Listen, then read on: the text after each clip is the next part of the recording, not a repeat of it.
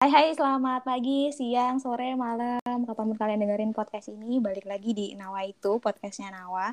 Makasih buat teman-teman yang sudah mendengarkan episode-episode sebelumnya. Dan kita udah welcome ke episode ke-14 di season 2. Jadi season kemarin kita udah ada ngobrol sama Kak Arvin. Kebetulan uh, Kak Arvin lagi belajar di Taiwan dan hari ini juga aku mendapatkan dan membawakan uh, tamu spesial juga buat kalian semua uh, ada Semi di sini. Say hi Sam. Halo, halo, hai hai. Apa nih panggilan? Sobat Nawa asik gitu. Sobat Nawa, oke. Okay. Sobat Nawa. Halo, halo teman-teman uh, Sobat Nawa. Uh, gimana kabarnya Semi? Sehat? Alhamdulillah, physically, mentally sehat. Yes. Nawa gimana? Sekarang Alhamdulillah juga sehat. Oh, sehat, sehat, sehat. Oh, gimana sekarang, gimana? Uh, sekarang kalau ditanya sehat itu jawabannya harus ada ini ya, ada dua ya, mentally dan physically. physically. Oh, betul, betul, betul. Tambahan lagi mungkin spiritually gitu ya. Oh. Emotionally terus apa banyak yeah. ya? Ditanya apa kabar jawabannya panjang gitu. Hmm. Hmm. Jadi boleh nggak dikenalin dulu Sem Semi ini sekarang uh, aktivitasnya apa ke teman-teman? Oh iya, iya. Ini mau apa ya? Perkenalan secara profesional kah atau secara pribadi gimana? Enggak sih biasa aja santai aja. Maksudnya kayak sekarang aktivitasnya apa, lagi di mana? Hmm, hmm. Oke hmm. oke. Okay, okay. Ya nama nama lengkap Asyemi Rafsanjani Asyari. Hmm. Ada lagi sebenarnya, tapi panggilan panggilan gua ya biasa pang, biasa dipanggil Syemi. Terus sekarang sebenarnya lagi kerja di Malaysia uh, sebagai front end developer. Udah ini udah hampir empat tahun gitu di sini. Terus hmm. selain itu ya nyoba-nyoba bikin konten. Jadi ada bikin video YouTube juga uh, podcast nggak konsisten jadi nggak perlu disebutkan apa podcastnya dan ya itu aja mungkin kebanyakan bikin konten posting posting buku di di Instagram itu aja sih. Hmm. Eh tapi Instagram boleh dikasih tahu nggak? oh Instagram handlernya Hashimi RWS.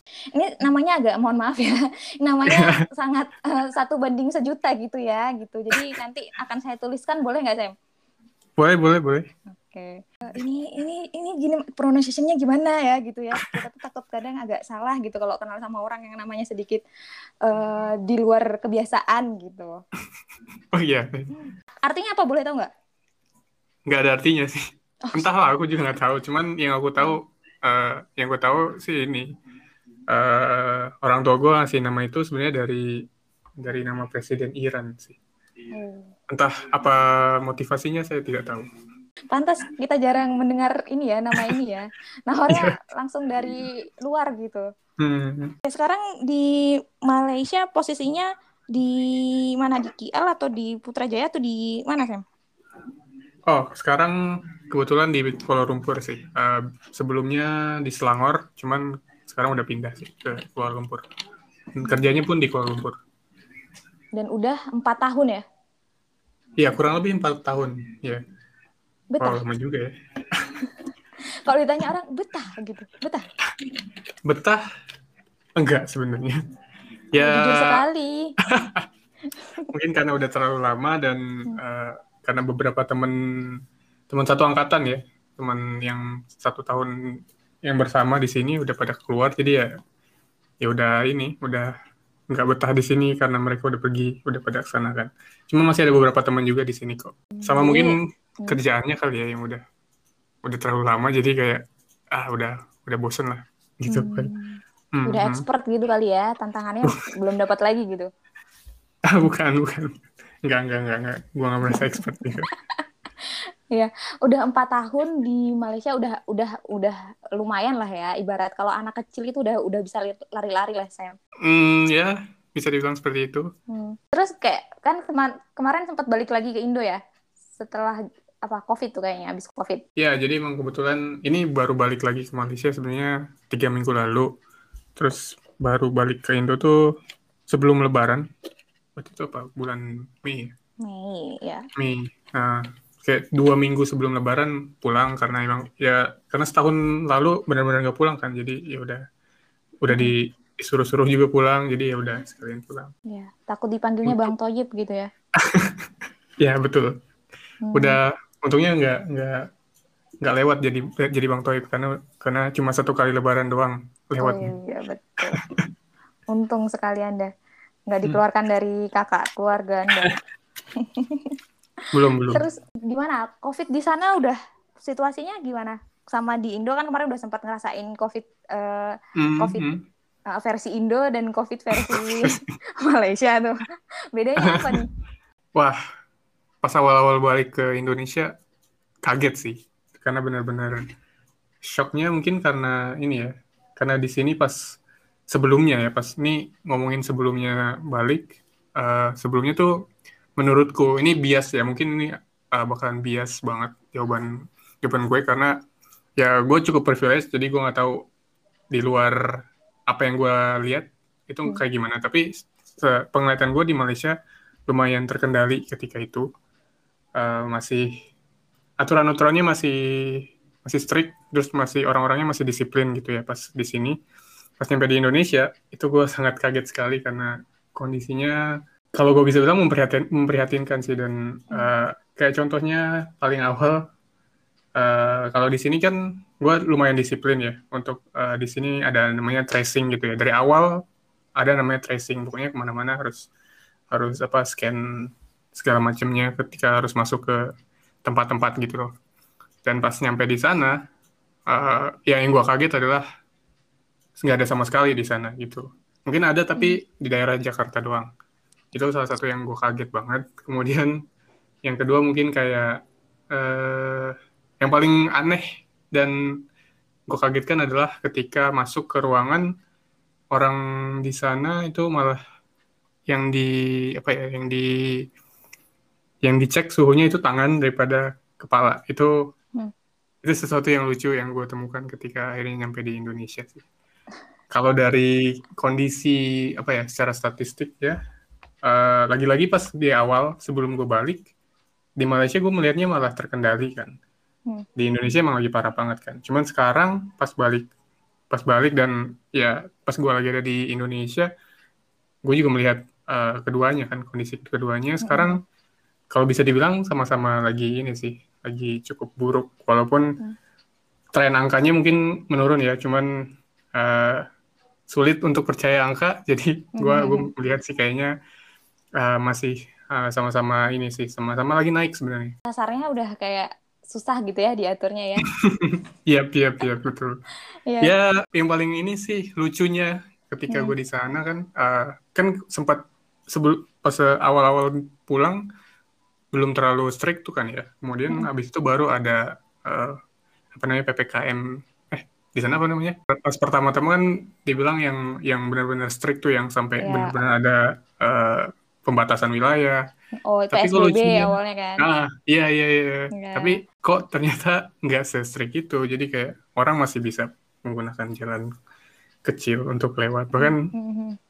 ada yang, ya ada, mungkin lo, mungkin lo pernah lihat gitu kayak jalanan utamanya ditutup tapi terus mereka bisa lewat dari SPBU untuk lewat gitu kan itu aneh ya.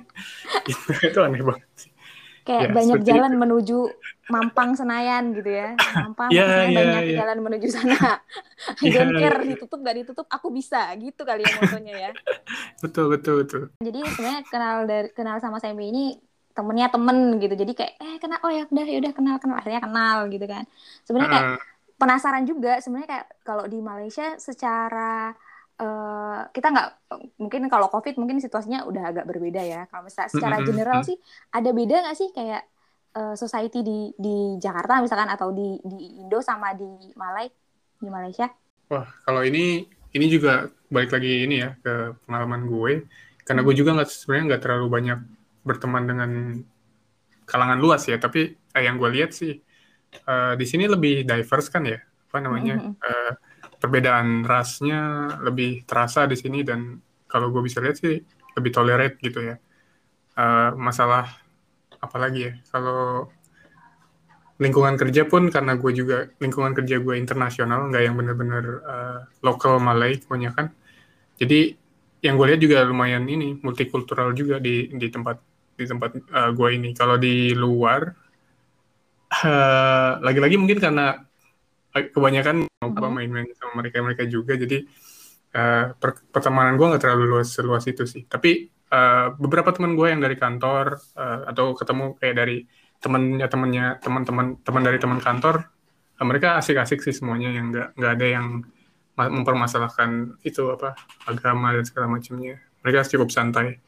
Hmm, kayak ya udah gitu ya, misalnya kayak temen ya temen berarti gitu ya nggak nggak ya mm-hmm. oh lu dari oh lu dari Indo ya oh lu ini mm-hmm. ya lu itu ya gitu nggak ya iya yeah, yeah. sejauh ini sih ya pertemanan pertemanan gue karena kebanyakan dari kantor juga dan teman dari teman-teman kantor ya seperti itu sih uh, eh tapi pernah udah sebelumnya pernah kerja di Indo pernah cuma enam bulan sih mm-hmm.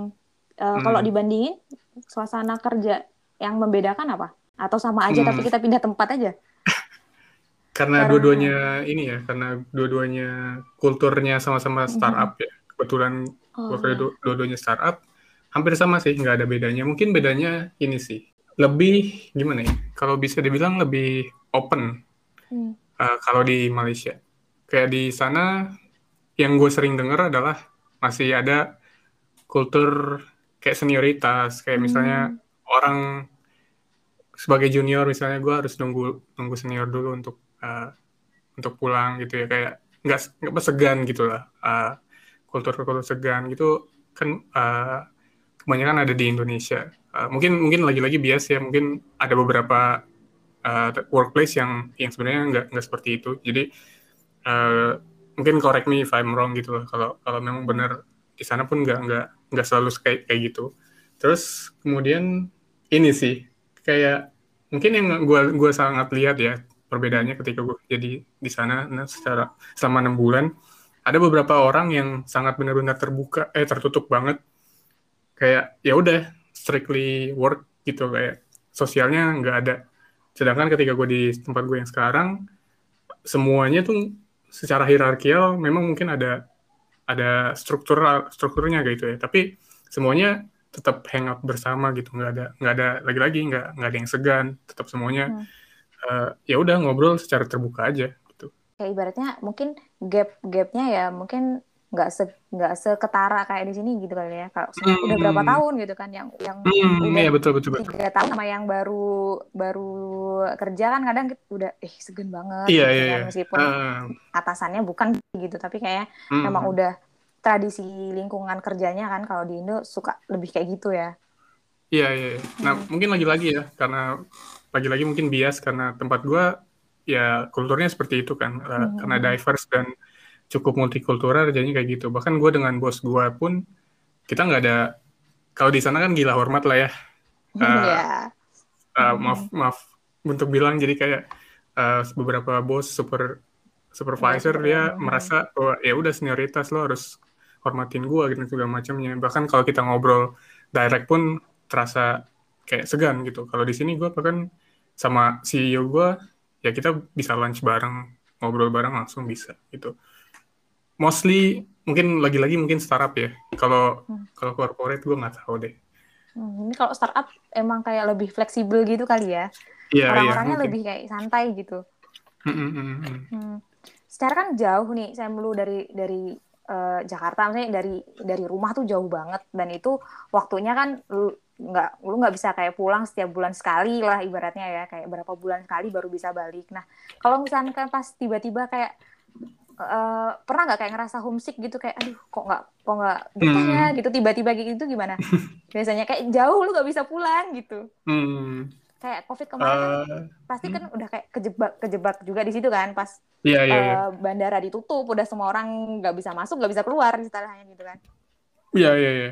Eh, ya mungkin pas covid ya. Karena sebelum covid gue pun masih sering pulang sih sebenarnya. Hmm. kayak mungkin dua tiga bulan biasanya gue pulang.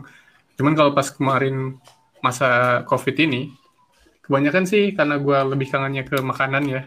Hmm. jadi yang yang membuat gue bertahan kalau lagi kangen ya gue beli makanan uh, Indonesia sih.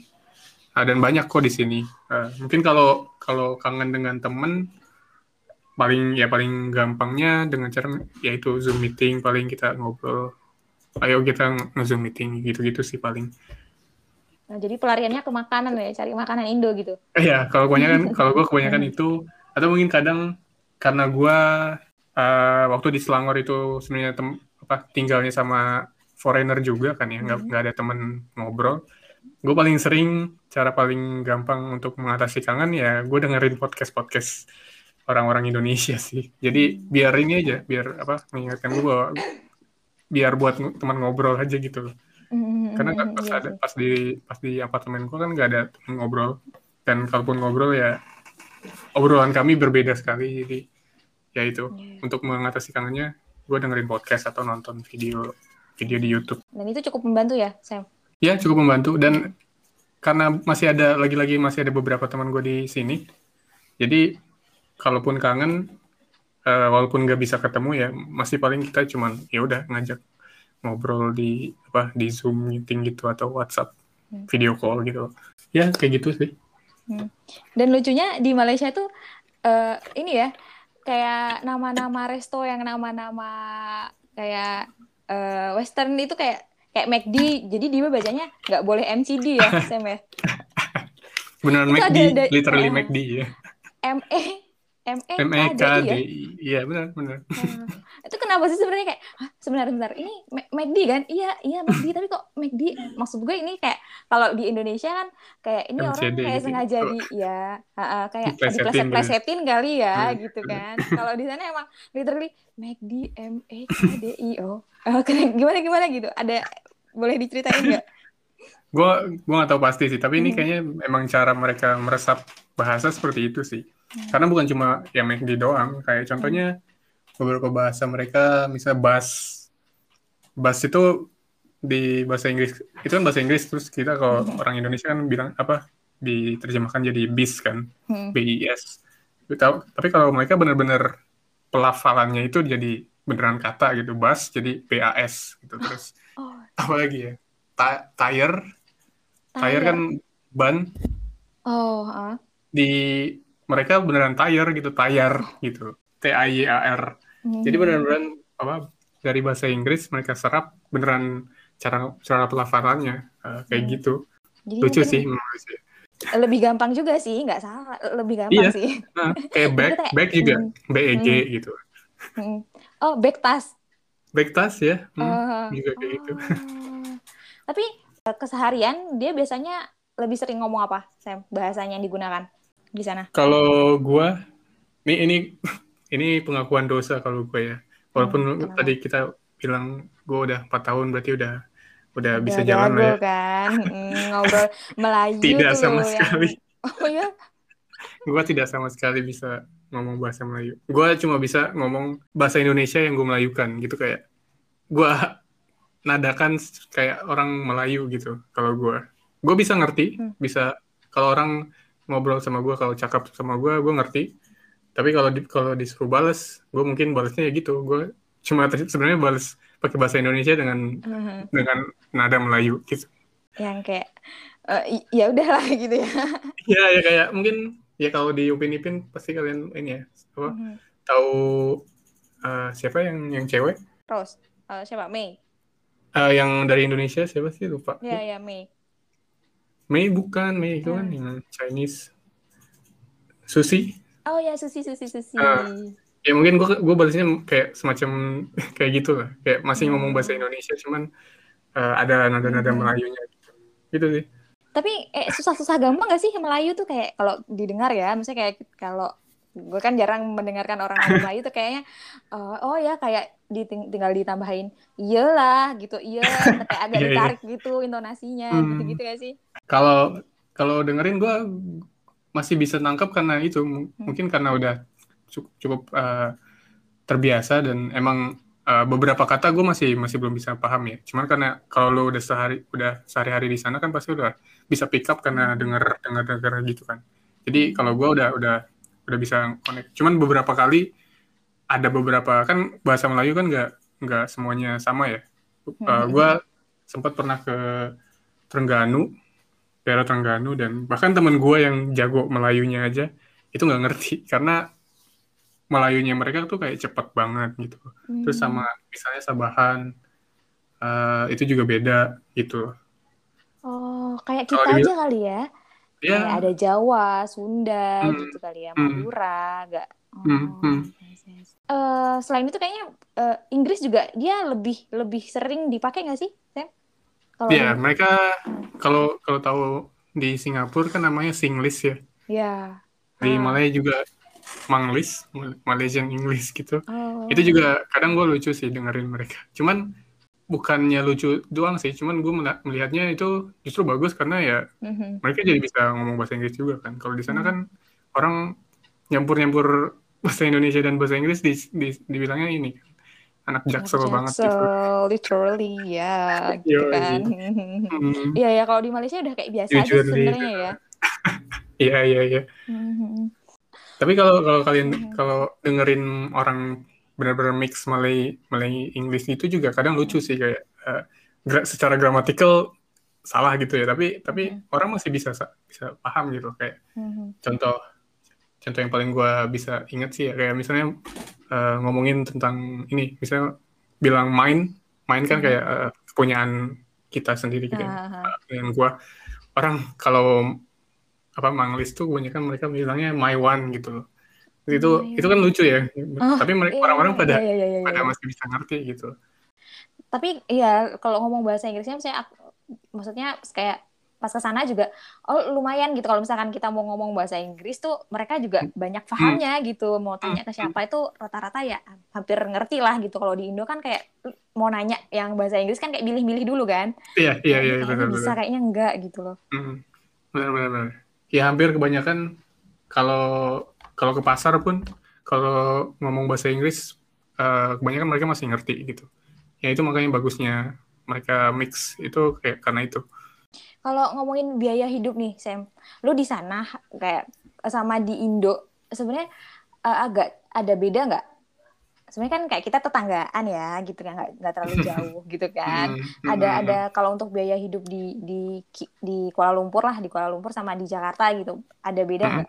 Wah kalau kalau ini jawabnya gue harus ini ya tergantung orang ya karena nggak nggak nggak semua orang Nggak semua sama. eh, sama Ka- kalau gue kalau gue sejauh ini ngelihatnya eh kalau perhitungan gue ya dengan gue Hmm. yang eh, spend di sini dengan spend di Jakarta masih masih lebih murah di Jakarta karena kan gue, juga nggak nggak nggak harus bayar apa ya eh, eh, akomodasi karena Hmm. udah ada ma- masih ada masih ada rumah orang tua. Cuman kalau misalnya makan, hangout itu jujur sekarang gue gue bisa bilang kayak hampir sama sih sebenarnya. Hmm. Kayak eh, biaya ngopi, biaya lifestyle di sana tuh hampir sama banget di sini. Berarti kalau kalau kayak gitu gue menilainya sih berarti ini di Jakarta itu emang udah mahal sih. Apa harganya itu juga udah ngikutin hampir-hampir mirip-mirip gitu ya? Mm-mm. Misalnya kayak sekali makan ibaratkan lah ya kalau di, kita dimakan di sana mungkin 50.000 ribu itu bisa kali ya dapat kayak nasi Hainan gitu ya kayak Hmm. 50 sampai 70 ribu lah sekali makan. Hmm. Mhm, sama kalau di Indo kan juga juga segituan lah kayak ibaratkan kita makan di sini juga paling 50 berapa lah sekian gitu ya. Ya mirip-mirip sih Oh, iya. Udah hampir sama lah ya berarti. Hmm. Ya Hmm. lagi-lagi kan itu balik ke ini ya ke individunya karena Mhm, bahkan mhm. Mau makan 5 ringgit pun di sini masih bisa gitu. Di sana pun Hmm. eh, waktu gue di sana pun gue masih makan warteg juga. Warteg berapa sih? 15 20 ribu itu masih Hmm, bisa hmm, gitu. Hmm, Ya tergantung gengsi orang kayaknya deh. iya, iya, Dan gimana gimana apa self control self control orang sih. Betul betul. Semakin Anda konsumerismenya tinggi, Iya, semakin semakin ini ya berarti ya tergantung Makin balik lagi tinggi ke ini ya. Mm, Hmm. mm, Tapi udah masuk Malaya udah gampang. Dari Indo Ah. nih kita misalkan kan untuk kalau SMI kan eh, kalau lu kan udah untuk bekerja tujuannya. Mm, Kalau misalkan kita mm. untuk vacation nih udah udah gampang belum ya? Wah, itu kayak gue nggak tahu deh. Tapi Mhm. eh, bahkan untuk bekerja pun masih agak sulit sih. Cuman ini eh, ini Pak eh, tiga minggu yang lalu ya. Karena Mhm. sebenarnya pas gue pulang pun eh, mereka udah ngasih aturan baru di mana kalau udah full vaccine nggak perlu ada yang namanya karantina lagi di di Oh. fasilitas yang negara gitu. Cuman pas gue balik, gue sampai di sini, gue masih kena aturan untuk eh, self quarantine selama 14 hari. Hmm. Bahkan sebelum itu, tapi sebelum itu tetap harus ada yang namanya surat jalan gitu loh. Semacam surat jalan lah, pokoknya intinya adalah uh, lo diperbolehkan untuk masuk gitu. Dan itu untuk kalau yang untuk trip doang, yang kayak cuma jalan-jalan doang, itu gue nggak tahu sih. Setahu gue dari aturannya benar-benar harus yang udah uh, misalnya punya dependent pass kayak misalnya istri seorang yang yang kerja di sini atau emang hmm. benar-benar punya employment pass atau mungkin foreigner worker dan segala macamnya hmm. atau student juga uh, itu itu masih ada di kalangan yang masih bisa diperbolehkan nah kalau untuk traveler gue nggak yakin sih hmm. Kayak kalau di Indo kan kita udah bisa ke mana ke mana maksudnya dari domestik tapi udah nggak pakai domestik PCR bisa ya. hmm, uh, hmm. udah pakai antigen udah boleh gitu hmm. makanya uh, kalau luar negeri ini udah udah udah bisa belum ya kayaknya masih ini ya kayak meragu gitu ya masih belum kayaknya deh. Mungkin hmm. uh, coba tunggu mungkin dua tiga bulan lagi. Gue rasa sih kayaknya udah mungkin udah udah mulai coba travel. Hmm. Kalau kalau udah vaksin sih kayaknya ya lebih hmm. kepada mereka yang udah vaksin, full vaksin. Ya. Mungkin kayak akhir tahun awal tahun gitu kali ya. Udah mulai. Ya optimis ya semoga. Ah, iya, semoga. Ya, ya, ya, Itu. Hmm? Hmm? Gimana? Enggak, gimana? Tambah, tambahannya mungkin selain itu karena dengan aturan yang harus ini ya harus self quarantine itu biayanya tuh hmm. jadi oh, iya, iya. mungkin kalau yang mau balik mau nyampe ke sini tapi ternyata masih harus karantin itu uh, coba deh dipikir-pikir lagi karena biayanya hmm. mahal beneran mahal. Kayak dia ada fasilitasnya sendiri atau kayak harus harus pakai hotel jasa hotel gitu nggak sih? Saya di sana? Jadi ada dua pilihan gitu. Ada dua pilihan gitu. Uh, tiga pilihan sih sebenarnya. Jadi uh, pilihannya ya ada luxury, ada premium dan yang basic tuh ya basic. Terus uh, fasilitasnya emang hotel gitu karantinnya karantinnya di hotel. Cuman itu yang yang udah kerjasama sama pemerintah sama ministernya Malaysia. Jadi itu udah dipilihin gitu. Dan kemarin kalau di kalau gue suruh kalau gue ditanya gimana tidak mengenakan hmm. tergantung hotelnya ya. Karena lo juga sebenarnya bisa pilih hotel sendiri, cuman ya itu harganya akan lebih mahal. Cuman kalau hmm. yang kemarin dikasih itu walaupun dapat makan setiap hari dapat makan, cuman menurut gua agak tersiksa juga sih karena harus benar-benar secara 14 hari lo nggak bisa ke mana-mana. Gak lucu ya, kayak kita mau liburan gitu kan ke Malaysia, iya. ternyata liburannya 14 hari kuarantin kayak ah, udah nih duit habis balik lagi ah gitu kan. iya iya. Kalau makanan ada ada ini nggak? Uh, pernah ada kayak hmm, lu makanan khasana ada bingung nggak makan makanan hmm. gitu selain Indo punya kalau biasanya apa ya mereka kayak apa khasnya khasnya Malaysia itu apa nasi, nasi lemak mungkin lemak ya. Tapi masih mirip mirip sih ya. Iya. Beda sih. Agak beda dari rasa nasinya kan itu ini ya. Hmm. kalau nasi uduk kan gimana ya? Gue nggak bisa mendeskripsikan rasanya. Cuman nasi uduk kan gurih ya. Iya. lemak beda ininya. Minyak kali ya. Nasi lemak kan yeah, ininya yeah. lebih ke lemak lebih licin gitu gak sih? Hmm, maksudnya betul, betul, ya, betul. ya maksudnya kayak lebih hmm, kalau kita lebih ke gurih gitu kan. Ah, ah, ah, ah. Ya, ya. Apa ya kalau gue makanan lagi-lagi karena gue lumayan ini ya orangnya uh, kalau soal makanan gue sangat kangen dengan makanan-makanan Indonesia. Jadi kebanyakan gue di sini lebih sering makan makanan Indonesia sebenarnya. Oh. iya. Indomie Indomie tetap nyetok dong itu pasti. Oh, ya hidup hidup saya. ini merantau ya, ya, ya tapi ya. jangan salah Indominya beda juga rasanya. Oh ya? Uh, apa ya. ya apa yang bikin beda bumbunya dari apa ya? bumbunya ya dari bumbunya mungkin kalau Indomie goreng sama ya masih masih ada beberapa uh, versi yang sama cuma kalau misalnya kari atau apa namanya uh, rasa soto gitu soto ayam hmm. itu beda apa dia menyesuaikan lidah sana juga kali ya Mm-hmm. Improve Mungkin gitu ya. kali. Hmm. Kayak bahkan cili, bubuk cilinya kayak kalau nggak salah nggak ada deh. Eh tapi penasaran, eh kayaknya se kayaknya tidak se-crowded Jakarta nggak sih KL tuh? Soalnya udah ada LRT duluan, iya nggak? Hmm, Atau sama bisa aja dibilang, hari-harinya? Bisa dibilang iya sih. Tapi karena gue gue nggak nggak pakai kereta yang kadang ramai ya. Hmm. Jadi gue nggak bisa jawab secara ini ya, secara benar. Tapi yang pasti nggak nggak sepadat di Jakarta sih kayak kalau gue lihat gue sering lihat misalnya apa namanya uh, KRL yang ramainya benar-benar sampai desak-desakan. Hmm. Di sini sih gue sih nggak pernah segitunya sih. Nah, Jakarta kan hmm. itu Jakarta dipenuhi dengan orang-orang luar juga ya. Hmm, ya ya ya. Kayak tempat di mana uh, kesabaran kita diuji ya kan, kesabaran, ketahanan, betul. semuanya betul, diuji betul, di betul. Jakarta. Kalau udah lulus hmm. di Jakarta, insya Allah Anda ke mana pun bisa hidup. Ya kuat, pasti kuat lah. Terus sekarang uh, selain aktivitasnya selain berarti uh, bikin konten konten buku juga, terus ngeblog mm -hmm. masih, bikin blog masih? Uh, udah jarang, tapi sekarang masih masih coba untuk balik konsisten lagi sih. Nulis-nulis juga. Soalnya lumayan banyak ya. Apanya? Apa tuh? Kegiatannya, hobinya, oh. hobinya. Ya, itu ya. Part, part, part of apa ya? Uh, menyibukkan diri sih kayak ya karena karena pandemi juga kan sempet sempet ya nggak ada nggak ada kegiatan lain jadi ya udah bikin konten aja lah biar menyenangkan diri juga. Kalau misalkan misalkan udah tahun depannya udah kelar semua, ada rekomendasi tempat buat jalan-jalan nggak sih di di di sana yang mas visit gitu? Hmm, gimana ya?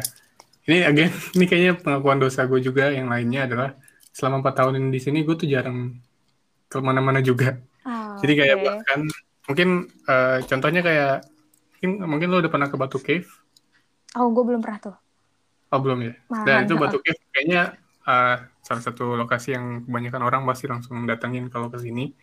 Terus kayak dataran Merdeka, terus mm-hmm. ya yang mainstream lah. Yang biasa pokoknya. ya. Uh, hmm, menara yang... KL gitu. Mm. Yang apa lu sebutin tadi? Yang pertama? Batu Cave. Batu Cave. Oh ya, Batu Cave itu yang tangganya warna-warni itu kan?